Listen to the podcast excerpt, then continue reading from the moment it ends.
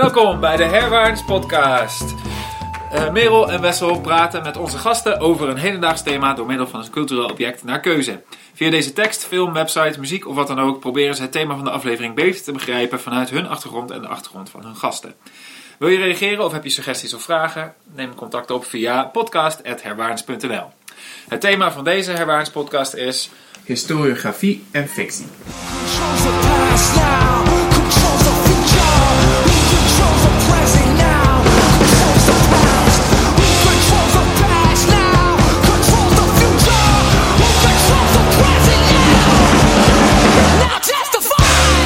Dit zijn de woorden van George Orwell, hier vertolkt door Rage Against the Machine. Vele talen kennen hetzelfde soort gezegde dat geschiedenis wordt geschreven door de overwinnaars. In het zoeken naar de historische waarheid is het altijd moeilijk om de waarheid te vinden. Maar het wordt nog moeilijker als in het heden met fake news en alternatieve eh, feiten net zo, uh, de, de waarheid net zo ondermijnd en gewapeniseerd wordt als het verleden altijd al was. Historiografie, het wetenschappelijk onderzoek naar geschiedschrijving, is cruciaal voor het begrijpen van uiteenlopende zaken als waarheid, identiteit, betrouwbaarheid en schuld. Sommigen zeggen dat geschiedenis alleen feitelijk beschreven mag worden, terwijl anderen zeggen dat dat niet kan, omdat geschiedenis altijd betekenisgeving is. Vandaag onderzoeken we via fictie, een andere vorm van geschiedschrijving, naar het proces van historiografie. En te gast is Renske, uh, net is in aflevering 7 over religieus fundamentalisme. Uh, Klassica werkende aan een promotieonderzoek over religie in het Romeinse Rijk. Welkom. Hallo. En Merel is er ook. Ja. Mooi. Um, en we beginnen vandaag met Merel. Yes. Uh, het object dat ik heb uitgekozen is Wolf Hall van Hilary Mantel. En dat is een roman die vertelt over Thomas Cromwell. die, het was een belangrijk persoon in de tijd van Henry VIII in Engeland. En het uh, verhaal wordt eigenlijk verteld vanuit zijn uh, belevingswereld. Um, um, en wat me opviel aan deze roman is dat ze in haar dankwoord uh, bedankt ze een um, wetenschapper. Met, met daar in de woorden Her business as a scholar has been with the facts of Cromwell's life, but she has encouraged me and lent her me her expertise through the production of this fiction, put up with my fumbling speculations, and uh, being kind enough to recognize the portrait I have produced. Uh, dus wat um, Hilary Mantel zegt is de wetenschapper, de historiograaf, om het even te vertalen, uh, is gaat over de feiten die wij weten van Thomas Cromwell's leven. En ik heb daar over gespeculeerd en heb er een roman over geschreven. En dat deed mij denken aan de vraag: waar ligt de scheidslijn tussen historiografie en fictie? En um, als je kijkt naar de term historiografie, dus dat bestaat uit de woorden historio en grafie. Dus uh, het schrijven van historie, van geschiedenis.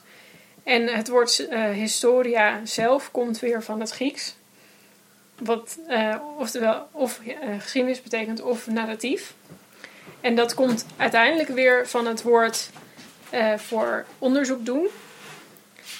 en dan voornamelijk in de trant van een geschreven account van het onderzoek wat je gedaan hebt. Dus in het woord historiografie, maar ook in het woord historie, zit al een element van schrijven. Dus van het narrativeren, dus het van een, een verhaal maken van iets wat gebeurd is. Um, je hebt ook altijd het grapje met het Engelse woord history, history. Um, en daar moest ik aan denken dat er zit best wel een nauw verweven band tussen geschiedschrijving, historiografie en fictie. Uh, want je hebt natuurlijk de, de feiten. Uh, geschiedenis is wat geschied is. Wat is er gebeurd? En een, wetenschapper moet zich houden aan de feiten. Maar aan de andere kant wil je ook graag het verhaal hebben van wat is er gebeurd. Um, en ik denk dat Wolf Hall heel erg speelt met die scheidslijn tussen historiografie en fictie en dat die poreus is, om het zo maar te zeggen. Ehm, en dat zie je bijvoorbeeld in dat zij begint met een cast of characters. Ehm, waarin ze dus alle mensen die toen ehm, bijvoorbeeld aan het hof van Henry VIII um, die er waren, die uh, soms ze op. En dat noemt ze dus een cast of characters. En het motto van het boek is een stukje uit uh, Vitruvius de Architectura. Uh, waarin er wordt gezegd: There are three kinds of scenes. One called tragic, second the comic, third the satiric. En dan zeggen ze later: Tragic scenes are delineated with columns, pediments, statues and other objects suited to kings. Um, nou. En um, later in het boek komt ze daar ook op terug. Want dan zegt ze: It's hard to escape the feeling that this is a play, and the cardinal is in it, the cardinal and his attendants, and that uh, it is a tragedy. Dus ze komt ook later terug op. Want dit, is, dit gaat natuurlijk over iets wat echt gebeurd is, maar het is een fictionele account van. of een fictionele speculatie van iets wat gebeurd is, maar wel gebaseerd op de feiten die we weten hierover. Terwijl natuurlijk feiten is, soms dan spreken ze elkaar tegen en dan moet je kiezen welke welke is. Um, dus, maar ze speelt heel erg door het boek heen met het idee dat ze eigenlijk in een fictioneel toneelstuk zitten. Uh, en uh, hier heeft ze dus over het tragische element. En later um, heeft ze het ook nog over het comedische. En dan uh, heeft ze het over een um, de ambassadeur van de Spaanse keizer. Is dat de keizer? Nee, niet zo, maar goed. Um, en, en dan zegt, uh, zegt ze: Everything he does, he notices, notices is like something an actor does. Um, en dan heel even wat later: He's like a man who has wandered inadvertently into a play, who has found it to be a comedy and decided to stay and see it through. Uh, dus door het boek heen speelt ze met. Uh, want het wordt dus gezien vanuit de ogen van Thomas Cromwell. Dus je beleeft het vanuit zijn ogen. En hij analyseert hier dus de situatie van... Oh, het lijkt wel alsof deze meneer, die dus echt heeft bestaan... een acteur is in een theaterstuk. Ja. En soms is het tragisch en soms is het comedisch. Um, waardoor ik dus denk... Zij laat hier zien door een fictief stuk te maken, wat nog eens ook nog eens speelt met fictie uh, of het leven als theater, dat um, niet alleen fictie die over geschiedenis gaat, fictie is, maar dat geschiedschrijving zelf ook fictionele elementen heeft. Um, dus als je het nu zegt, ziet Thomas Cromwell eigenlijk zijn eigen leven al als een toneelstuk. Ja. En ik denk dat dat uh, heel kenmerkend is voor heel veel mensen. Want je bouwt gewoon een verhaal om jezelf heen, waarin je dan vaak de hoofdpersoon bent natuurlijk. Hm. Um, en ik denk dat het bijna onoverkomelijk is uh, als je over de geschiedenis praat, dat je dat ook doet. Uh, ik zag nog een citaat toen ik even onderzoek aan doen was, ik zal hem in de bronnen zetten, dat iemand zei, er zijn heel veel mensen die over de Rubicon zijn gegaan. Maar de enige waarbij dat belangrijk is, was dan Caesar. Dus daarom ja. weten we dat. Um, dus je, je kiest je, je hoofdpersonen als een cast of characters uit in je eigen leven, maar ook in wat jij denkt dat waar is of belangrijk is aan de geschiedenis, zeg maar. En ik denk dat er wel een gedeelde neiging, zowel bij, bij historiografie als fictie, is om zoveel mogelijk te willen stroomlijnen. Ja. En om eigenlijk niet zo goed met conflicterende feiten, waar je het net al even over had, meer om, om daar eigenlijk niet goed mee om te kunnen gaan. Hm. Ik denk alleen wel dat er een, een essentieel methodeverschil is. Dus de Ja. stroomlijning zal in zo'n eh, roman heel vaak impliciet gebeuren, terwijl bij in elk geval fatsoenlijke academische historiografie, zoals we het tegenwoordig zien, zal er veel meer geprobeerd worden om de denkstappen en de afweging tussen die tegensprekende feiten, om die expliciet te maken. Ja, de- kijk, eh, historiografie, dus de wetenschap, heeft natuurlijk, die kan maar zo ver gaan. Want je hebt een, een wetenschappelijk ehm, kader. Je moet je voldoen aan bepaalde standaarden. Dus je, je kan niet erop los speculeren zoals Hilary Mantel doet in dit boek. Mhm. Waardoor Hilary Mantel dus eigenlijk soort van meer vrijheid heeft om er een volledig verhaal van te maken. Wat, waarvan je natuurlijk dan niet moet gaan denken dat het echt gebeurd is, want dat weten we niet. Ehm, en daar zat ik ook aan te denken van, want we, we hebben best wel enorme honger als maatschappij naar historische verhalen. Mhm. Of verhalen met een historische inslag. En ik vroeg me op een gegeven moment af van zou dat niet komen omdat geschiedenis is sowieso super tof. Maar Ja. ehm, op een gegeven moment dan zijn de feiten op, zeg maar. Dan heb je de feiten en dan, maar dan is het omdat het stukjes zijn. Nou ja, en de feiten zijn ook rommelig en daardoor Ja. misschien minder aantrekkelijk. Ik denk dat mensen meer. ehm, nou, we hadden het eh, op weg hier naartoe heel eventjes over, eh, over Netflix-series en tv-series over, eh, over geschiedenis. En dat je soms de neiging hebt om het fictieve verhaal meer te onthouden, Ja. omdat het ongeveer logisch op elkaar lijkt te volgen. En jij merkte toen iets op dat ik heel interessant vind: dat, eh, dat je een serie over eh, Rome aan het kijken was, over Commodus. En dat daar een heel gat in zit van meen, een aantal jaar. En dat jij vanuit die serie helemaal niet doorhad dat Commodus best wel lang geregeerd heeft. Ja, ja klopt. Ja. Omdat het een verhaal was dat verteld werd, eh, werd over nou ja, een, een, mislukte, een mislukt keizerschap. Maar daar zijn die lange periodes minder interessant voor. Minder. Ja, minder zo in, die, in die serie eh, hebben ze heel erg hoe die keizer is geworden. En dan daarna komt eigenlijk onmiddellijk. Ze zeggen wel, hij heeft eh, na twaalf jaar of zo, maar eh, die acteur die verandert ook helemaal niet. Qua, hij, hij veroudert helemaal niet. En, en dan is het inderdaad soort van meteen daarna eh, die gladiatorgevechten die hij gaat doen en dan is hij dood. En dat, dus ehm, als je dat ene zinnetje niet meekrijgt van na twaalf jaar, dan heb je totaal niet door dat hij dus best wel inderdaad best wel lang geregeerd heeft. En ehm, wat die serie is trouwens ook best een interessante mengvorm, want er komen ehm, geschied- geschiedkundigen aan het woord en die vertellen dan over het leven van Commodus. Commodus. En, ehm, maar er worden ook stukjes geacteerd. Ehm, dus het is een, meng, een soort van mengvorm van fictie en geschiedschrijving. Ja, en ik kan me voorstellen dat dat voor, voor moderne mensen veel toegankelijker is, omdat ze dan het gevoel hebben dat ze iets kunnen volgen, dat ze met iets mee kunnen gaan. En als het dermate gestroomlijnd is, dan denk ik dat je je als historicus moet afvragen van in hoeverre gaat dit ehm die historiciteit geweld aandoen. Hm. Eh, en in hoeverre is dat het misschien waard om een breder publiek geïnteresseerd Ja. te krijgen. Ja, dat, dat vroeg me, want we hebben dus echt een enorme hang naar historische fictie. Mhm. of, ofwel in films, series ehm, of boeken. Maar ehm, we moeten niet gaan denken dat Wolfhall echt gebeurd is. Of dat die eh, documentaire serie Roman Empire, dat dat klopt, zeg maar.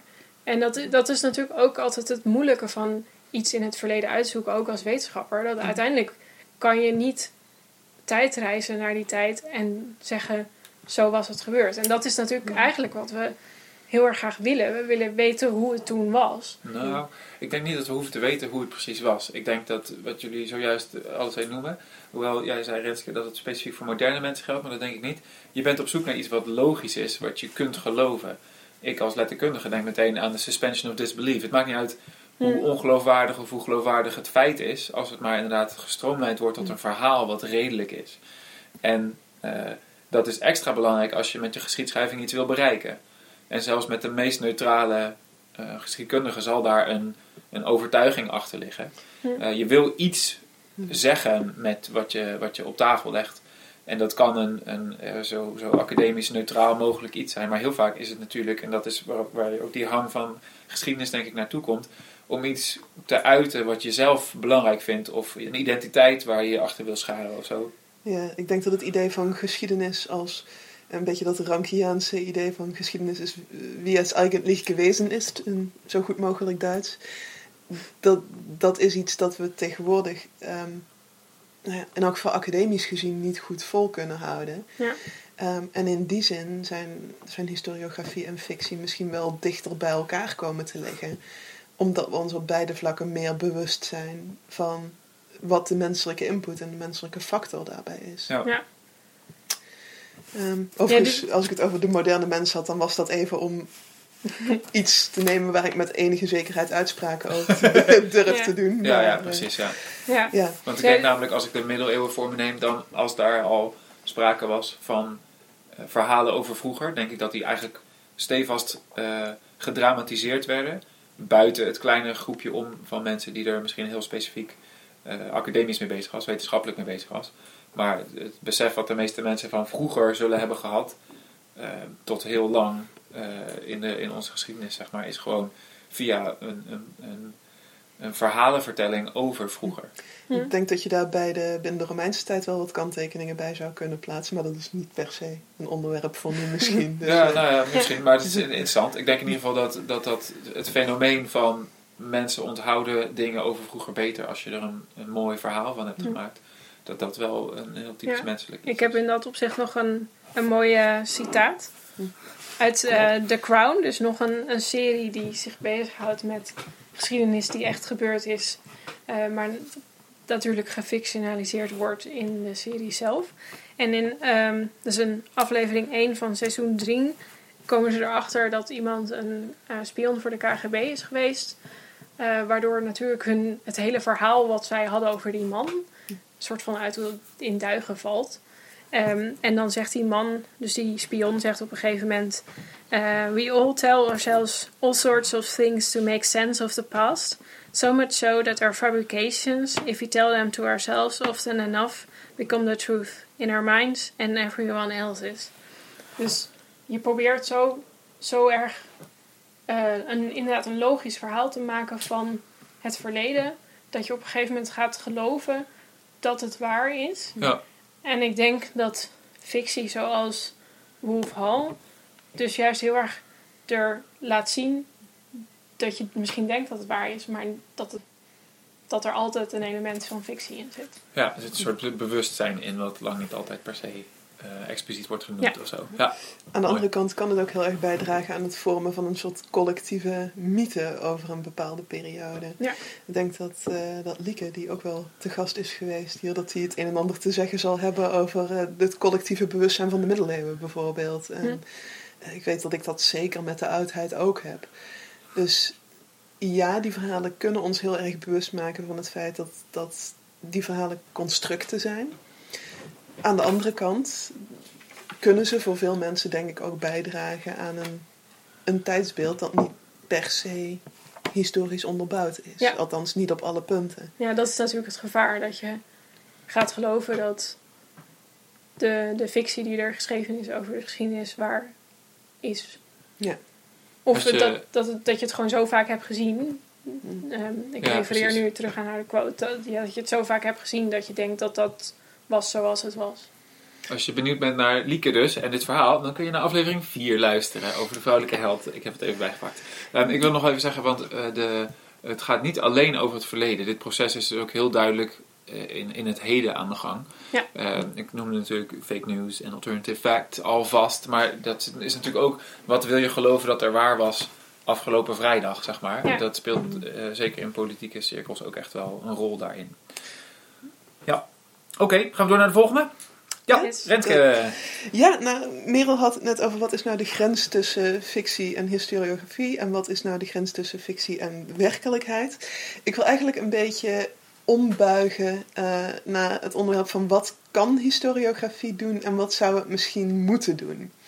En eh, om dat te illustreren heb ik een boek meegenomen. Het is een van mijn favoriete boeken, ondanks het feit dat ik normaal helemaal niet van dit genre hou. Ehm, het gaat over het boek World War Z, geschreven door Max Brooks. En de ondertitel van dat boek is An Oral History of the Zombie War. Nou, zombies zijn normaal gesproken totaal niet mijn, eh, mijn primaire invalshoek als ik op zoek ben naar iets nieuws om te, le- te lezen.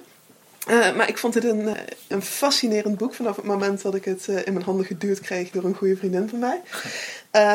Met name over, door, door de opzet van het boek. wat het eigenlijk pretendeert te doen, um, het is een, een boek dat gepresenteerd wordt als een serie interviews met ooggetuigen of overlevenden van de zombieoorlog. En het wordt voorafgegaan door een inleiding waarin de zogenaamde auteur zegt van nou, deze interviews heb ik afgenomen als deel van een VN-rapport. Uh, de VN die bestaat nog na de zombieoorlog en wil graag een, een rapport over oorzaken, consequenties, etc. Um, maar deze interviews moesten verwijderd worden omdat ze te persoonlijk zouden zijn en voor mensen te dichtbij zouden komen na een intense crisissituatie. En de auteur zegt dan dat hij van de voorzitter van de VN toestemming heeft gekregen om die interviews wel zelf te gebruiken, want hij is immers de auteur, dus hij heeft recht om dat materiaal in te zetten. En hij heeft die interviews dus gepubliceerd in het boek dat hij World War Z noemt. Dus het is eigenlijk een, een fictief historisch verslag, een, een fictiewerk dat zich presenteert als een historische rapportage op een, uh, op een evenement dat vrij kort geleden gebeurd is. En hij legt dan ook uit waarom hij het wel belangrijk vond om die interviews wel te publiceren. Uh, en hij zegt dan eigenlijk dat, um, dat hij juist die human factor, die menselijke factor die de VN te dichtbij vond komen, dat hij dat juist essentieel voor zijn werk vindt. Uh, omdat, uh, zegt hij, in the end isn't the human factor the only true difference between us and the enemy we now refer to as the living dead. Dus hij zegt, we moeten juist die menselijke factor in leven houden, omdat dat het enige is dat ons menselijk maakt. Hm. Um, nou, ik vind het een, een fascinerend boek A, omdat het, uh, het onderwerp van oral history tegenwoordig de, laatste decennia steeds meer aandacht heeft gekregen binnen de historiografie. De mogelijkheid om mensen hun persoonlijke herinneringen en ervaringen met belangrijke historische gebeurtenissen vast te leggen. Uh, we hebben dat uh, de afgelopen maanden ook veel gezien in Nederland met de herdenking van de Tweede Wereldoorlog, het, jubileum daarvan. Um, dus oral history op zichzelf is al een heel interessant voorbeeld van hoe geschiedenis geschreven kan worden. Juist met inachtname van persoonlijke standpunten, persoonlijke ervaringen en persoonlijke herinneringen. Dus alleen al daarom vind ik het een boek dat enorm de moeite waard is om te lezen. Um, maar waarom ik het ook heel bijzonder vind, is omdat de auteur heel veel verschillende factoren meeneemt om een verhaal dat in essentie fictief is, desondanks heel erg gegrond en geloofwaardig te maken. Um, dus hij gaat in op vragen als oorzaken, schuld, maatschappelijke veranderingen, um, zelfs dingen als massapsychologie. En ik vind dat het boek daarom een heel goed voorbeeld is van de kracht van meer speculatieve fictie. Dus fictie die niet zozeer ingaat op iets dat in het verleden gebeurd is, zoals bij Wolf Hall bijvoorbeeld, maar meer ingaat op iets dat gebeurd had kunnen zijn. En ik, um, ik vind bijvoorbeeld dat fantasy en science fiction vallen allemaal een beetje, wat mij betreft, onder die kop van speculatieve fictie. Maar een heleboel fantasy blijft vaak hangen in semi-historisch, semi-middeleeuws vaak. Um, en ik denk dat als je echt goede speculatieve fictie wil hebben, dat je dan juist die grens moet opzoeken tussen realisme, uh, tussen mechanismen die inderdaad zo kunnen werken, historisch gezien, en de specifieke feiten die aangepast zijn op het fantastische. In, um, ja, dus in, in niet zegt, enthousiaste zin van een zombieoorlog. Is dat, uh, dat fantasy bijvoorbeeld, zeg maar, die neemt wel de setting over, mm -hmm. maar die, dus die neemt, die plukt uit de geschiedenis, maar verzint daardoor omheen gewoon een heel nieuw verhaal. In plaats van juist de sociale en maatschappelijke mechanismes uit te zoeken. Die... Ja, ik, um, ik, ik, denk dat je heel erg heel grote verschillen hebt in fantasy in dat opzicht. Je hebt mensen die een, een historische setting overnemen en daar een verhaal in pleuren, als het ware, zonder, ja, ja, zonder veel gedachten te zich veel gedachten te maken over wat nou de consequenties zijn van bijvoorbeeld het toevoegen van magie aan zo'n wereld. Want je zou verwachten dat er dan misschien een nieuwe maatschappelijke bovenklasse ontstaat of iets dergelijks. Ik denk dat fantasy die daar minder mee speelt, de minder goede fantasy is. Maar je hebt ook boeken die dat nadrukkelijk wel proberen en die heel, heel erg goed proberen na te gaan van oké, als ik dit verander aan de wereld zoals we die kennen, wat gebeurt er dan eigenlijk? Ja. Wat betekent dat voor een samenleving? Maar er zit meteen ook wel weer een interessante graadmeter in voor wat waar we het net over hadden bij Mails object, of het dan nog geloofwaardig is eh, Mhm. en, dan, en of het nog steeds een gestroomlijnd verhaal is. Ja. Want ik heb ook wel fantasy gelezen die zich verliest in het uitwerken van de wereld en daardoor Mhm. geen verhaal meer is, Ja, zeg maar. en dat hangt heel erg ook van je voorkeuren bij eh, binnen het genre af natuurlijk. Uiteraard, ja. ja. Eh, nee, maar dat is inderdaad een heel ingewikkelde balans om te treffen. En Ja. Wat ik het interessante vind aan World War Z is dat het eigenlijk niet de moeite doet om een gestroomlijnd narratief neer te zetten. Oh, ja. Ja. Ehm, dus jullie zijn misschien bekend met de film met Brad Pitt. Ja. Volgens mij ook geproduceerd door hem, weet ik eventjes niet meer helemaal zeker. Ehm, ik heb de film zelf niet gezien, maar ik heb begrepen dat dat eigenlijk met het boek vrij weinig te maken heeft. Althans, neemt de setting over, maar het is een lopend verhaal Ja. in de wereld die in het boek gecreëerd is. Ja. En het boek, omdat het bestaat uit een serie interviews, je ziet eh, dezelfde personages eigenlijk zelden tot nooit weer terug. Soms wordt er een belangrijk figuur genoemd door iemand anders. Ehm, maar het zijn echt losse perspectieven over bepaalde gebeurtenissen. Dus het boek gaat, eh, heeft een aantal hoofdstukken eh, waarin het is onderverdeeld. eh, het, eh, het hoofdstuk warnings, waarschuwingstekenen. Een hoofdstuk over de schuldvraag. eh, een hoofdstuk over het moment waarop de grote paniek uitbreekt Ja, ja. dat soort onderdelen. En in elk hoofdstuk krijg je dan dus verschillende interviews die daar allemaal op hun eigen manier aan bijdragen. Hm. Dus het is in die zin inderdaad een veel minder lopend verhaal. Toen ik even op Goodreads keek, zag ik ook dat iemand, eh, een aantal mensen dit boek één ster hebben gegeven, omdat ze er dus absoluut niet in kwamen. Maar ik denk, ik denk dat er desondanks heel veel voor die aanpak te zeggen is, omdat het je toestaat om vanuit veel meer verschillende perspectieven te kijken. Wat ook wel iets is dat ik voor historiografie heel belangrijk vind. Ja. Vanuit wie schrijf je? Ehm, en dat is niet, dan bedoel ik niet alleen je persoonlijke perspectief als historicus, maar ook welke bronnen neem je mee? Ja. Welke, tot welke stemmen uit het verleden heb je toegang? En ook daar is oral history net weer een heel interessant concept, omdat je dan veel meer gewone mensen, eh, misschien ook eh, meer mannen en vrouwen, Ja. eh, mensen die destijds kind waren, mensen die destijds volwassen waren. Want dat is natuurlijk ook een van de dingen waar wat veel wordt gezegd over historiografie. Dat je krijgt alleen het verhaal van de winnaar, zo wordt het dan Mhm. altijd gepresenteerd. Je, je, je kan alleen de, de feiten of de verhalen meenemen van degene die iets hebben opgeschreven. Precies. Ehm, waardoor je dus per definitie een vertekend beeld krijgt. Want je Mhm. hebt inderdaad niet het verhaal van degene die toen kind was. En als ik je zo hoor, dan is World, World War juist goed omdat het laat zien dat eh, historiografie die eh, problematiek heeft.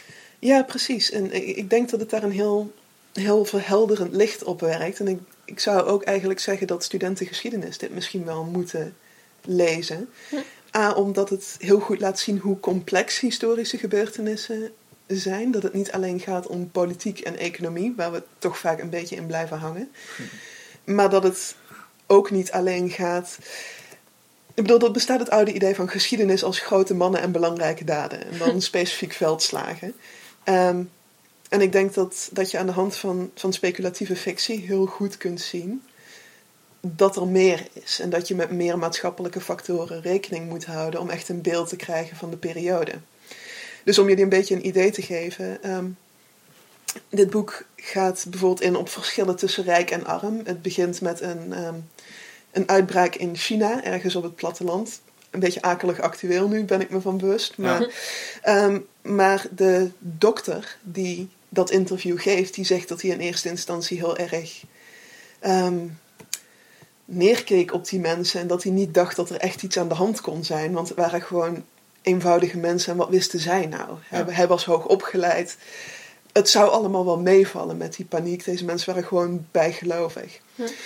En daardoor, dat is een factor dat, ehm, waar, die, waar de auteur echt wel rekening mee houdt. Ehm, Hij gaat bijvoorbeeld in op uh, het belang van geheimhouding en informatievoorzieningen. Dus de Chinese overheid probeert in, in, eerste instantie heel erg stil te houden wat er gebeurd is. Ook akelig actueel. Ja. Ja, wat uh, in dit geval bijdraagt aan het verspreiden van de epidemie. Ook akelig Ehm, actueel. Ja. Aan de andere kant zie je dat in Amerika uh, een, heel snel een nepdruk op de markt komt met goedkeuring van de regering, de zogenaamde druk phalanx. En dat die heel snel door de goedkeuringsdienst van, genees, van geneeskrachtige middelen uh, geduwd wordt, omdat mensen er rustig van worden. Ja. Ja. Uh, dat hele geneesmiddel doet helemaal niks. Daar, dat heeft geen enkel merkbaar effect op, uh, op de daadwerkelijke gezondheidstoestand van mensen. Maar mensen gaan het wel massaal gebruiken en Ja. voelen zich er veiliger door. Dus zegt de overheid, nou ja, wij zijn dicht bij presidentsverkiezingen. Wij willen dat iedereen rustig blijft, want dit kunnen we niet gebruiken.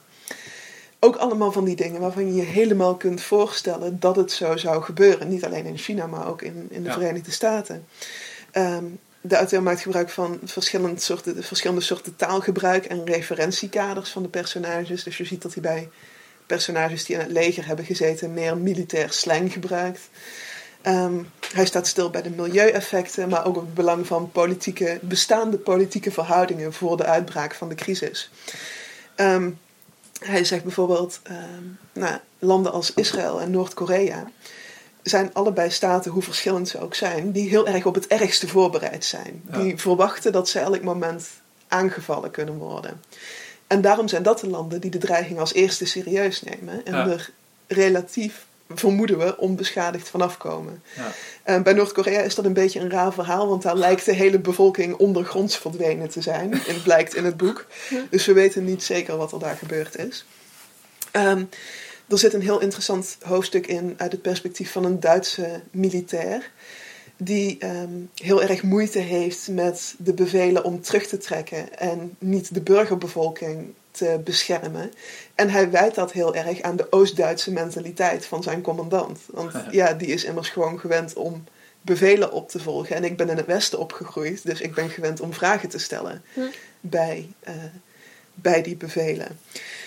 Dus um, ja, allemaal van dat soort factoren. Uh, het idee dat er een, een nucleair conflict plaatsvindt, niet tussen uh, India en Pakistan, maar tussen Pakistan en Iran, omdat die niet die eeuwenlange, of ja, decennia lange dreiging hebben. Ja. Um, ze, en dus niet de directe mogelijkheid hebben om contact met elkaar op te nemen, als er daadwerkelijk problemen uitbreken. Dus het is een, een heel intelligent boek dat heel veel vers, verschillende factoren meeneemt. En ik denk dat het een heel goed voorbeeld is van hoe je geschiedenis zou kunnen schrijven. Ja, ja het is grappig dat hele uh, stuk van de, uh, de orale historie dat je noemt, is, is meteen pluriform of zo. En nog steeds ja. zit er natuurlijk een selectieproces in, wat jij net zei, Merel. Maar als je inderdaad twintig verschillende mensen aan het woord laat, zullen ze Mhm. allemaal een andere nadruk hebben. En daarmee krijg je meteen al een soort aandacht voor hoe uh, verschillende verhalen van wat er is, zijn, van wat er is gebeurd, Mm-hmm. een nadruk leggen op de verschillende evenementen. En als je dat dan dus allemaal bij elkaar gooit, dan Mm-hmm. krijg je dus een, een soort web in plaats van één route van dit is er gebeurd. Precies, en inderdaad, het, wat Merel ook al even aanhaalde, dat er soms tegenstrijdige beweringen in zitten. Nou ja, dat is in een, een boek als dit perfect legitiem, want Ja. mensen hebben verschillende dingen meegemaakt. Ja. Um, er zit bijvoorbeeld een hele passage in over uh, zogenaamde quizlings. Um, dat zijn mensen die psychologisch zozeer niet om kunnen gaan met die zombiecrisis, dat Ja. ze zich in alle opzichten gaan gedragen als zombies. Ja. En zelfs denken dat ze zombies zijn. Ja. Um, maar de zombies zelf hebben dat natuurlijk perfect door. Dus die vallen die, die quizlings dan af en toe aan. En daardoor ontstaan er verhalen dat, er, dat het mogelijk is om de zombies tegen elkaar op te zetten. Ja. en zo de oorlog te winnen. Het blijkt dat dat helemaal niet kan. Maar dan zie je wel waar dat soort verhalen vandaan komen. Ja. En dat er heel, heel begrijpelijke verschillende perspectieven ontstaan. Um, je ziet dat de ervaring van uh, mensen in verschillende landen heel erg uiteen kan lopen. Ja. Um, er zit een hoofdstuk in over een Amerikaanse vrouw die zegt: Ja, ik maakte me wel zorgen, maar ik maakte me zorgen over mijn hypotheek en de schoolkosten voor de kinderen. En de hond moest weer naar de dierenarts. Dat was waar ik me op dat moment zorgen over maakte. Dus Ja. nee, natuurlijk was ik niet extra voorzichtig.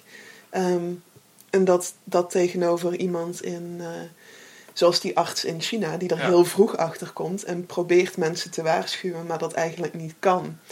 Ehm, dus ook dat biedt een, een heel interessant perspectief van ja, soms gebeurt er iets dat later van monumentaal politiek belang blijkt te zijn. Ja. Maar wat deed je zelf op dat moment eigenlijk? Waar was je eigenlijk mee bezig? Nou ja, misschien was je inderdaad eerder bezig met je hypotheek en je hond en je auto, Ja. dan dat je met die grote maatschappelijke verwikkelingen bezig was. Ja. Ja.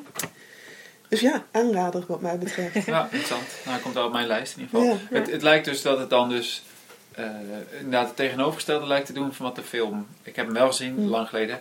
Maar dat is inderdaad wel een logisch verhaal waarbij we één iemands eh, reis meemaken in deze omgeving dan inderdaad. Ja, precies. En wat dat betreft denk ik ook dat het een, een interessante manier is om dit boek wel te verfilmen. Ik zou het zelf heel graag gezien hebben als een soort nepdocumentaire. Met Ja. inderdaad de interviews erbij.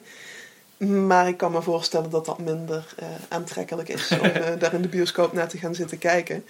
Hm. Ehm, Maar dat zou juist voor, voor deze tijd met zoveel nepnieuws en ehm, mensen die zeggen dat dingen die waarschijnlijk wel echt gebeurd zijn, niet echt gebeurd zijn. En, mhm. en dus die hele verwikkeling tussen wat is er nou wel echt gebeurd en wat niet. Is dat dan juist goed om zo'n documentaire te maken of Mhm. dit boek te lezen? Omdat dit boek door een fictionele setting te nemen Mhm. heel goed laat zien wat geschiedschrijving doet en wat, Mhm. wat hoe ook eh, hoe, noem je, hoe dingen echt gebeuren of zo. Ja, en ik, ik denk dat het. We zijn nu in dit tijdperk heel erg bezig met de, de deconstructie van nieuws. Wat is nieuws? Wat betekent dat? Ehm, Kan je een nieuwszender wel nog geloven? Ja, en ik, ik denk dat dit boek ehm, op zijn eigen manier, hoeveel vragen en moeilijkheden het ook oproept, toch ook wel een zeker. ehm, dat er ook wel een zeker vertrouwen uitspreekt. Van dat het wel in alle complexiteit natuurlijk wel Hm. mogelijk is en belangrijk is Ja. om dit soort zaken zo, zo zorgvuldig mogelijk in kaart te brengen. En let erop dat ik daarbij zorgvuldig zeg en niet per definitie accuraat. Want de verschillende perspectieven die in zo'n periode de ronde doen, zijn evenzeer belangrijk en Ja. noodzakelijk om de periode te begrijpen, denk ik. Ja. Maar om nog maar even aan te geven hoe ver dat gaat. ehm, hij, eh, hij komt in het boek ook met het idee dat, eh, dat er zoiets realiseert hij zich. Er bestaat zoiets als, als illegale organenhandel. En dat is ook een manier waarop het virus zich kan verspreiden. Gewoon het, het feit dat, dat Max Brooks als, als auteur eraan denkt van... oh ja, dat, dat is iets dat zijn consequenties gaat hebben in deze setting. Ja. Ehm, het feit dat hij ingaat op... wacht eens even, er zitten mensen in het eh, internationaal ruimtestation...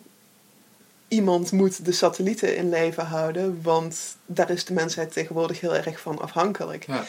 Ehm, hij gaat heel erg in op het feit dat een heleboel mensen in de westerse wereld geen enkele praktische vaardigheid meer hebben. Ehm, en dat er dus opeens een totale maatschappelijke omkering moet plaatsvinden, waarbij de leidersfiguren de mensen zijn die wel zelf een tafel in elkaar kunnen zetten, die wel hun eigen toilet kunnen repareren. Ja. En dat mensen dus opeens ehm, ondergeschikt worden aan de mensen die voorheen hun huis hebben schoongemaakt. Ja. Dus hij denkt daar heel goed in door en bedenkt heel, op een heel interessante en denk ik zorgvuldige manier wat de consequenties van bepaalde gebeurtenissen zouden kunnen zijn. Dus hij geeft eigenlijk een hele mooie reflectie op de, de hedendaagse samenleving. En bijna satirisch af en toe. Ja. er, eh, de stukken over de Amerikaanse president van voor de zombiecrisis. ehm, het is een hele tijd geleden geschreven, dit boek.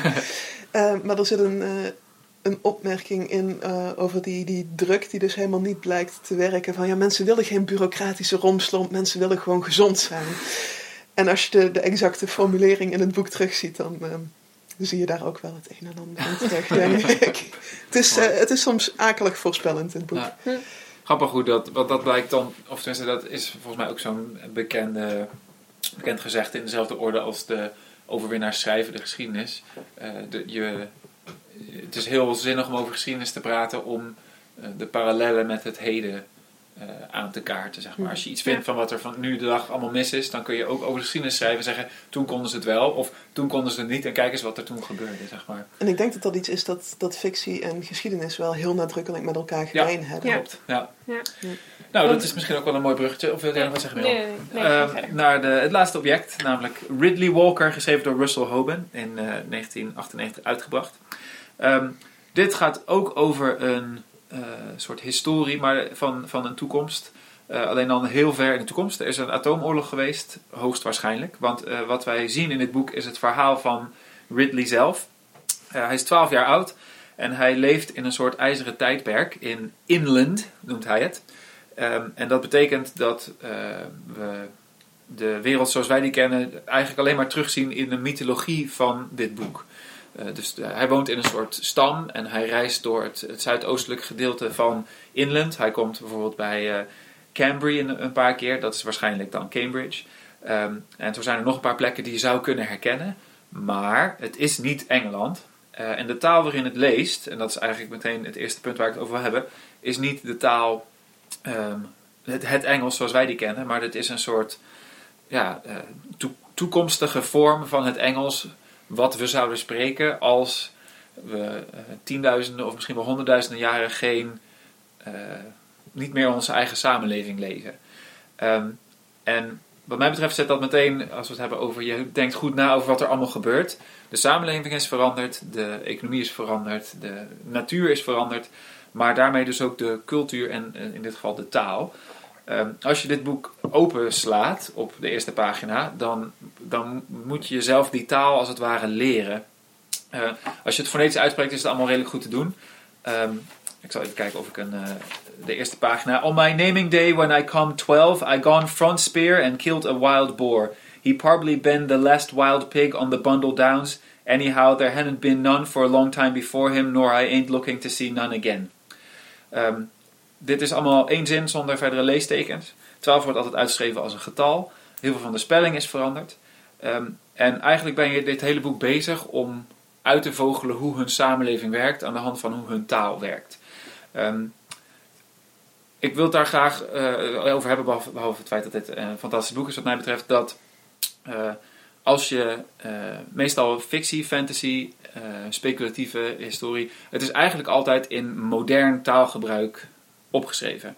Ook science fiction, wat zich ergens anders afspeelt, of dingen in Narnia of wat dan ook. Mensen spreken allemaal Engels op wonderlijke wijze, of als het een Nederlands boek is, Nederlands. En dit boek heeft wat mij betreft een heel goede poging gedaan om juist het stuk taal, wat natuurlijk het, het, het middel is waarmee je een, een boek ervaart, ehm, aan te passen op een manier die nog begrijpelijk is voor ons, maar tegelijkertijd vervreemdend.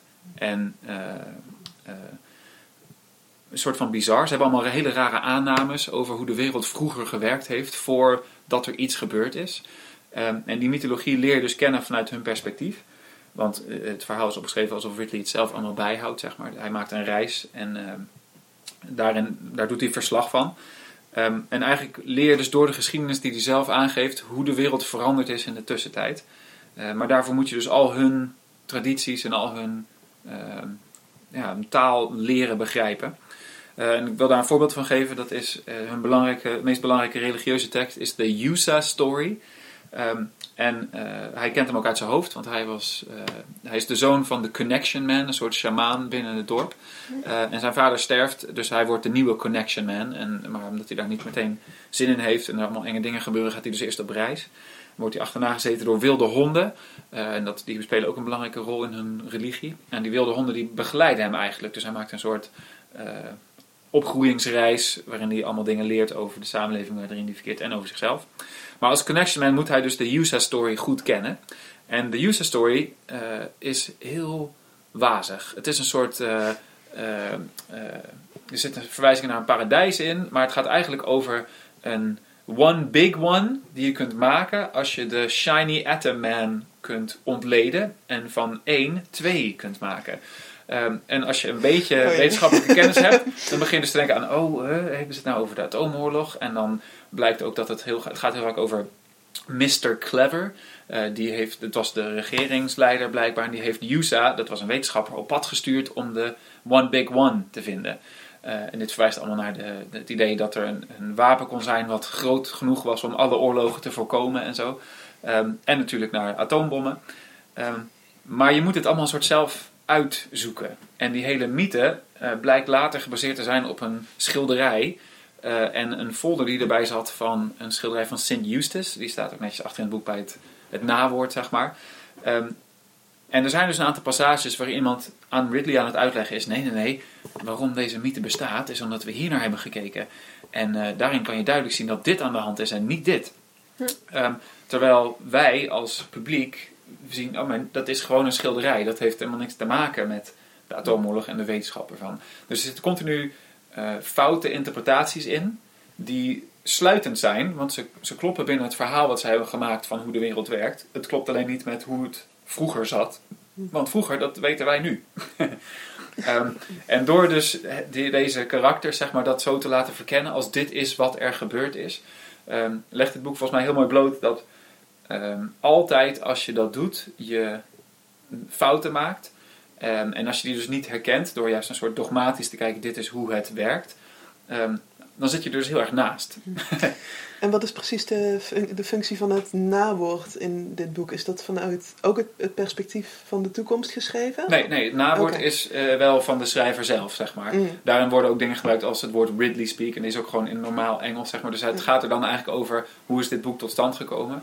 Um, en daarbij geeft hij een soort uitleg aan alle mensen die mm. uh, hebben door, zich, door, dit boek heen, door dit boek heen hebben geploeterd zonder die, die verbanden te kunnen leggen, zeg maar. Het is mij een soort verontschuldiging van, uh, ja, sorry, het was dus hierop gebaseerd, kijk naar dit plaatje en misschien snap je dan wat ik probeerde te doen. Want waar het me heel erg aan doet denken is um, aan, aan 1984 en het idee van Newspeak. Ja, um, en in, 19, in, de meeste edities van 1984 in elk geval zit ook wel een nawoord met ja. the principles of Newspeak. Ja, klopt. Maar dat is geschreven vanuit een wereld waarin deze maatschappij weer verdwenen is. Ja. Uh, hetzelfde oh. bij Oh, dat vraag ik me af. Ja? Ja, bij, uh, bij uh, The Handmaid's Tale Ja, wel. precies. Dat was mijn volgende ja, voorbeeld precies. inderdaad. Want dat is ook inderdaad natuurlijk een voorbeeld van het, je hebt een karakter en het wordt vanuit haar perspectief geschreven. Haar, hand, haar dagboek wordt gevonden. Ja. En dan is er daarna inderdaad een perspectief van een professor die zegt, nou, we kunnen hieruit afleiden dat. Ja, een wetenschappelijke conferentie die Ja. gaat over de, überhaupt de volgorde waarin deze cassettebanden geplaatst moeten worden. Ja. Want zij mocht natuurlijk niet, niet schrijven binnen de wereld van Handmaid's Tale. Ehm, Terwijl in 1984 eh, heb ik het idee dat het nog in die wereld zit. Maar dat is misschien dan dat, een... dat- eh, in ja. elk geval iets Ja. dat ingebed is binnen de fictie. Laten we het dan daarop houden. Ehm, maar eh, dat, dat is ook wel op zich een interessant mechanisme om juist bij speculatieve fictie te gaan spelen met wat, wat vindt de latere samenleving hier nou van? Of wat wordt hier nou binnen deze wereld academisch over gezegd? Ja, precies. Want wat mij altijd heel erg is bijgebleven bij Handmaid's Tale bijvoorbeeld, is dat de, de professor in dat laatste hoofdstuk dan zegt van ja, het is eigenlijk heel zonde dat ze alleen maar met, eh, met huiselijke zaken bezig was. Van if she had had the mind of a reporter or a spy, dan had ze ons heel veel kunnen vertellen over de politieke werking van Ja. Gilead. Ja, Daarbij totaal voorbijgaand aan het feit dat ze dat dus puur door haar inbedding in die samenleving niet kon. ja, Ehm, wat ik altijd een heel mooi snedig commentaar van, Ja. eh, van Margaret Atwood heb gevonden, Ja. moet ik zeggen. ja. ja, het grappige is dus dat dit boek eh, die, eh, dat eigenlijk niet mogelijk maakt. Omdat het dus allemaal is van één uniek figuur binnen zo'n plaatje. Dus eigenlijk Mhm. moet deze, dat, dat terugkijken op wat is nou de reden dat op deze manier het verhaal wordt opgeschreven, zit hem in het karakter zelf. Of zo. Ja. Ehm, ja, nee, ik vind het altijd heel interessant dat dit boek, het, dit is het enige boek dat ik ken, dat je een taal leert terwijl je het boek leest. Brave New World een beetje. Ja, maar er zit vaak jargon in Mhm. en terminologie, dat wel. Maar dit is gewoon, de hele taal werkt anders. Ja, Eh, er zijn ook allemaal, dat zal jij leuk vinden, er zijn ook allemaal eh, principes van eh, de taalverandering door de eeuwen heen in toegepast, zeg maar. Ja. Eh, om te zorgen dat dat realistisch werkt.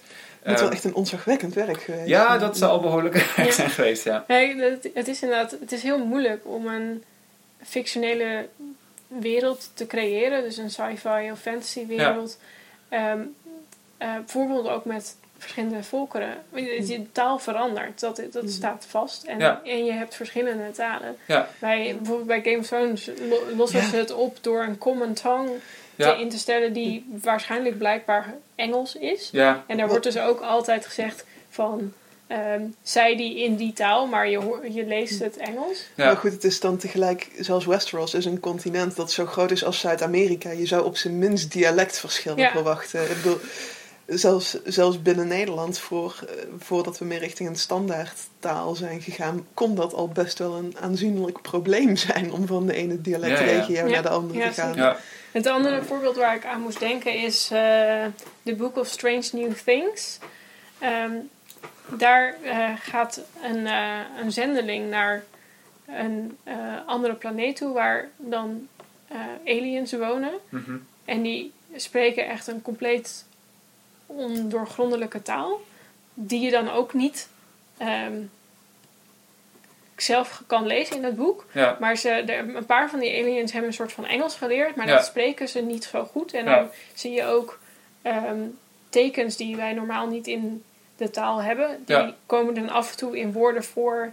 Maar dat, het is wel heel regelmatig. De T wordt altijd een bepaald teken. En wat op zich wel, denk ik, accuraat is in hoe bepaalde mensen die een taal niet spreken, spreken. Want die kunnen dan bijvoorbeeld de T niet uitspreken. En dan nemen ze een andere klank die er voor hun op lijkt. ja. Mhm. Ehm, dus die, die, dat boek speelt er ook nog wel mee. Ja, het is interessant, want zeg maar, je komt natuurlijk uiteindelijk altijd de barrière tegen. Dus je denkt, ja, je kunt het introduceren, je kunt ermee spelen, je kunt het jargon introduceren en dat is super interessant. Ja. Maar uiteindelijk moet je het verhaal toch op een manier presenteren die mensen kunnen begrijpen. Ik moet nu ook nog denken aan, eh, omdat je aliens noemde, de film Arrival.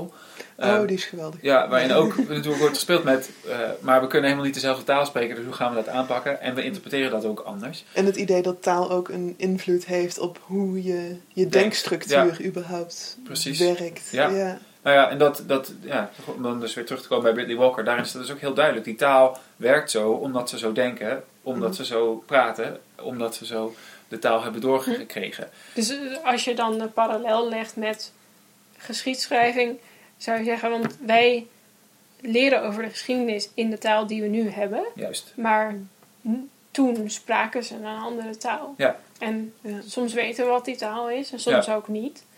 Nou ja, en soms, zelfs bij talen die we redelijk goed kennen, is het voor een, een historiograaf, voor een, voor een historicus, enorm lastig. Ehm, ik bedoel, ik, ik richt me natuurlijk meer op Grieks en Latijn. En Hm. qua, qua dode talen zijn dat twee talen waar we een relatief goede vat op hebben weten te krijgen. Als je het vergelijkt met, nou ja, ik bedoel, lineair A, lineair B is nog steeds een beetje moeilijk. Etruskisch worden pogingen gewaagd, maar 100% gaat dat ook niet. Ehm, maar dan nog kom je af en toe woorden tegen waar we gewoon geen accurate, geen accurate vat op, op krijgen, omdat we niet 100% zeker weten wat het betekent en hoe het gebruikt wordt. Ja. En dat zijn, nou ja, dan nog twee redelijk breed bestudeerde. Ja, ja dus je, Ja, je kan nooit eigenlijk vanuit de ogen kijken van iemand die toen eh, leefde, omdat de taal die ze toen spraken iets is wat je, wat je nu gewoon niet meer kan vatten. Nee. Ja, en alleen al op dat niveau is, is historiografie noodzakelijkerwijs interpretatie. Ja, precies. En dat laat het boek dus echt heel mooi zien door je aan de andere kant van dat proces te zetten. Hm. Mhm. Ehm, in fictie kan je natuurlijk juist weer daarmee spelen. eh, want ja, we kunnen die taal wel begrijpen, of we hebben het wel begrepen. We kunnen in het hoofd van Thomas Cromwell kruipen, bijvoorbeeld. Ja. Ehm, maar hierin, is- ja, ze, het is super grappig om te lezen hoe zij denken dat de wereld werkt. Ze hebben het over pictures on the wind en boats in the air. Weet je wel? En dan denk je, oh, dat zijn dan vliegtuigen en radiogolven of zo. En elke keer als ze daar zo over praten, want er is één karakter bijvoorbeeld die wil terug naar de kennis van nu. Terwijl eh, een van de belangrijke thema's in het boek is dat de kennis is altijd gevaarlijk. Dus Mhm. wat wil je ermee doen? Ehm, en hij wil juist terug naar die, die weergeloze tijd van vroeger. En dan heeft, neemt hij wel voorbeelden die totaal niet aansluiten bij hoe onze wereld werkt. En hij begrijpt het duidelijk niet. Maar hij zoekt er heel erg naar. En dat is heel interessant om te lezen. En eigenlijk dus ook gewoon heel grappig. Het is ook ontzettend confronterend op, Ja. op zijn eigen manier. Ja, de, precies. De absolute grenzen van wat begrijpelijk is vanuit een historisch perspectief. Juist. Ja. Ja. En eh, om, om het dan weer een soort van in het kader van fictie ook nog te plaatsen. eh, de meest gebruikte methode voor het vertellen van verhalen hier, dus ook het vertellen van een user story en voor geschiedenis, ehm, is poppenkast. Ehm, dus de mensen die rondreizen, dat zijn de mincers, eh, een soort ministers, en die komen dan van de minstry ehm, bij Cambridge. En die... Of de minstrels. Ja, nou ja, er zitten mooie dubbele eh, dingen in, inderdaad. En die, eh, eh, die komen dan naar de verschillende dorpen toe. En dan gaan ze daar met een poppenkastshow vertellen. Nou, altijd de user story, maar ook wat het, wat het nieuws is. En het hele dorp zit dan rond de poppenkast. En Ridley vindt op zijn reis een, een nieuwe pop. Dus dat is een soort archeologische vondst. Maar die brengt hem op allerlei ideeën over... Oh, maar dan is de verhouding tussen de karakters die ik al kende... is dan misschien anders. Mhm. Ehm, dus hij gaat anders nadenken over eh, hoe de wereld in elkaar zit voor, volgens het verhaal van de minstrel. Omdat hij dus andere informatie uit het, uit het verleden lijkt te vinden, zeg maar. Dus ook weer het spelen met wie heeft kennis, wie heeft macht in dit geval om Ja. een verhaal vorm te geven. Ja, Ook mooi trouwens dat eh, die, die legendarische verhalen en het nieuws door op dezelfde manier gedeeld worden. Ja. Dat vind ik ook wel een hele bijzondere. Ja. ja. en dan is er nog een mooie verwijzing, maar dat heeft vooral te maken met waar we het net over hadden, met eh, die pluriformiteit van Mhm. de, de orale geschiedenis. Ehm, eh, het is een stukje eh, waziger, maar de wetenschappen, wetenschapskasten van Cambridge en Oxford is vermoedelijk, omdat ze zo dicht bij het ontploffen van de One Big One zaten, die zijn een soort van ehm, gedegenereerd. Eh, misschien dat ze, zijn blootgesteld aan te veel straling of zo. Eh, maar elk jaar wordt er een soort conferentie georganiseerd. Eh, dat klinkt veel beter dan het is. Maar eigenlijk neemt de overheid, dus de ministry, die stopt alle mensen uit die. Het zijn een soort, ja, bijna een ander ras of zo. Worden bij elkaar gegooid. En die hebben dan een soort orgie. En daaruit komt dan een soort geschiedenisvertelling vanuit de wetenschapsperspectief. Bijna alle andere mensen weten dit dus niet. Maar het is een soort jaarlijkse eenwording, noemen ze het. En, en, eh, en daar komt dan dus informatie uit vanuit het wetenschappelijk perspectief. Dat is een macaber beeld op academische conferenties. Zeker. Ja, maar in ieder geval wel dus, wat, wat, wat we zeiden over die pluriformiteit of zo, dat alleen als je ze allemaal hoort, Mhm. komt er iets betekenisvol uit. Want als je één van die mensen spreekt, dan praten ze alleen maar wartaal. Maar alleen bij dus deze samenkommomenten, zal ik het maar even wat neutraler noemen. Ehm, ja, goed, ik zeg ook orgie trouwens. Ik- dit kun je dus niet hier precies uithalen, omdat die taal anders is. Dus het is iets. Een samensmelting, zoiets. ja. Ehm, dan komt er een verhaal uit waar ze iets mee kunnen. En dan, Mhm. daarom is de, de overheid elk jaar bezig met... Oh, misschien dit jaar kunnen we eindelijk weer erachter komen... hoe we de one big one kunnen maken. En dan hebben we, kunnen we onze macht consolideren, enzovoort, enzovoort. Het klinkt bijna alsof er, alsof we nu op uitkomen, een beetje bijna een overeenkomst tussen, ehm, nou, laten we zeggen, beta-wetenschappen en, en geschiedschrijving is. In, in de zin dat n is 1 eh, niet, niet voldoende is. Dat Ja. je juist het combineren van meer data, meer gegevens, meer perspectieven, meer factoren, meer experimenten wel mogelijk. eh, Ja, Zowel bij, bij historiografie als bij, eh, bij de beta-wetenschappen Ja. toch wel erg noodzakelijk is. en, Ja. en specifiek vanuit het perspectief dat je zegt... we weten waar de, de valkuilen liggen binnen de geschiedschrijving. Hmm. Eh, die worden aangegeven in deze drie boeken als voorbeeld. Maar ja, je kunt nooit vanuit hun hoofd denken. Je kunt nooit precies weten hoe ze de taal gebruikten. Je kunt nooit zeker weten of wat we hebben opgeschreven klopt met wat iedereen verschillend heeft ervaren. Ja. Ehm, en dus is het zinnig om het allemaal te verkennen. Mhm. En eh, er steeds maar bij te blijven zeggen: dit is een interpretatie, dit is een versie. Ja, en de bron die we gebruikt hebben is misschien ook een, ehm, een, een versie. Ja, Ehm, bijvoorbeeld bij, bij Wolf Hall, omdat het zo nadrukkelijk uit het perspectief van Cromwell verteld wordt, zal hij je visies geven. Bijvoorbeeld op de Spaanse ambassadeur, die historisch gezien geloof ik niet heel goed met elkaar konden opschieten. Ehm, dat, dat klopt, ja. Ja, dus hij zal je waarschijnlijk een perspectief op die Spaanse ambassadeur geven. eh, Ja. Dat aangevuld kan worden met een, een ander perspectief. En waar je in, in World War Z een paar keer mee te maken hebt, is ofwel met mensen die actief liegen of de waarheid verdraaien om hun eigen rol te minimaliseren. ja, Eh, een aantal voormalige leden van de Amerikaanse regering zijn daar heel nadrukkelijk mee bezig. Nog steeds om na de zombieoorlog, post-apocalyptisch wasteland, hun eigen straatjes schoon te vegen. Hm.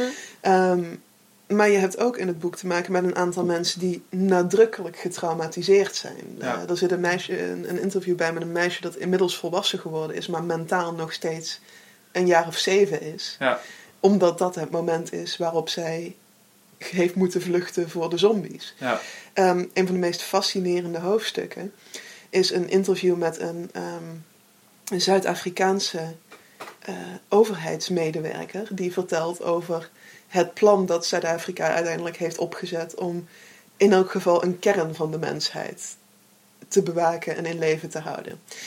En het wordt meteen omschreven als een vrij monsterlijk plan, als een extreem moeilijke keuze. Namelijk, je, je verlaat het grootste deel van het land, Ja. je stelt een veilige zone in en daarbuiten een paar kleinere veilige zones.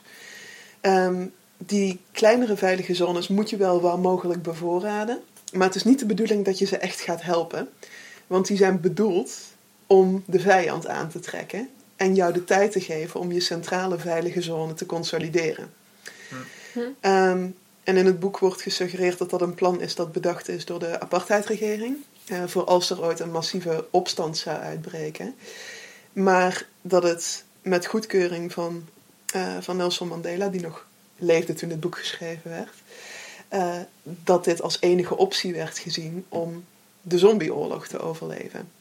En aan het eind van het hoofdstuk kom je erachter dat de persoon die in het interview gepresenteerd is als een medewerker van de bedenker van dit plan, dat dat de bedenker van het plan zelf is, die Mhm. mentaal totaal gebroken is Ja. door wat hij heeft moeten voorstellen en een, zich een totale alternatieve persoonlijkheid heeft aangemeten. Hm. Spoilers neem ik aan, maar. eh, ehm, maar dat biedt ook wel een heel interessante visie op perspectief. Hoe mensen met hun eigen daden omgaan en met de daden van anderen omgaan. En dat daar toch blijkbaar wel een merkbaar verschil tussen zit. Ja. Hoe we bereid zijn onszelf te beoordelen. Eh, dan bedoel ik onszelf in persoonlijke zin, maar ook onszelf in een bredere maatschappelijke zin. Hm. En hoe we bereid zijn anderen te beoordelen. Bijvoorbeeld anderen uit het verleden. Het lijkt wel of de, de eh, fictieve schrijver eh, een grote rol speelt in het bewaken van deze overwegingen bij de academische geschiedschrijving. Schrijvers eh, zijn zo bezig met wat kun je een publiek wel vertellen, wat zijn de verschillende perspectieven, wanneer blijft iets geloofwaardig, wat zijn de fenomenen die je meeneemt in iemands perspectief delen. Ehm, dat als, zolang je die bewaakt, kun, kun je academisch gezien makkelijker vaststellen: dit is een waarheid of dit is een versie van de waarheid. Zolang je de, de spelregels van fictie in achting neemt, schrijf je betere, eh, volledigere geschiedenis. Mm. Ik zou toch ook wel zeggen dat het wel echt twee essentieel verschillende factoren zijn. Al was het maar omdat je. Geschiedenis wordt, zoals ik het zie, moeilijker op twee punten. Dat is namelijk als het te ver weg is. Mhm. Als je te maken hebt met een samenleving waarvoor je heel selectief of heel weinig bronnen hebt. Ehm, en die misschien moeilijker te begrijpen is, omdat we ofwel de taal niet meer spreken of omdat het gewoon zo'n totaal andere wereld is, dat dat moeilijk na te volgen is. Maar ik denk dat geschiedschrijving aan de andere kant ook moeilijk wordt als het te dichtbij zit. En waar World War Z heel erg mee speelt, is het belang van die human factor waar ik het over had. Maar dat maakt het wel heel moeilijk om het overkoepelende verhaal te vertellen. Mhm. Want we zijn, als we mensen nog kennen, als, als we mensen interviewen die we gekend hebben, met wie we verbindingen hebben, die misschien eh, even oud zijn als onze ouders of grootouders, dan zijn we geneigd om meer naar het persoonlijke te kijken Ja. dan naar het historisch overkoepelende. Hm. Dus ik denk dat, dat historiografie zich eigenlijk afspeelt in het middenveld tussen te veel moeten invullen en je niet gekwalificeerd voelen om iets in te vullen, omdat we nog te dicht bij het heden zitten. Ja, en juist in die twee gebieden is denk ik fictie speelt zich daar vaak af. Ja. Als het nog te moeilijk is om na te denken over dingen omdat het te, te vers is, gaat dat Mhm. vaak via een metafoor of een, een figuurlijke weergave. Of Mhm. vluchten we naar een ander tijdperk waar je hetzelfde laat afspelen. Mhm. En als het te ver weg is en je kunt je er niks bij voorstellen, dan is fictie ook een uitstekende manier om dat te, te verkennen, op zijn minst, voordat je er eh, wetenschappelijk iets over gaat zeggen. Oké, nou mooi. Dat lijkt me dan de conclusie van vandaag. Ja, Ehm, bedankt. Wat wordt de volgende aflevering, Wil? eh, de volgende aflevering is de female gaze. Ja, oké. Nou, bedankt Renske. Ja, dank jullie wel. En bedankt voor het luisteren. Tot de volgende keer.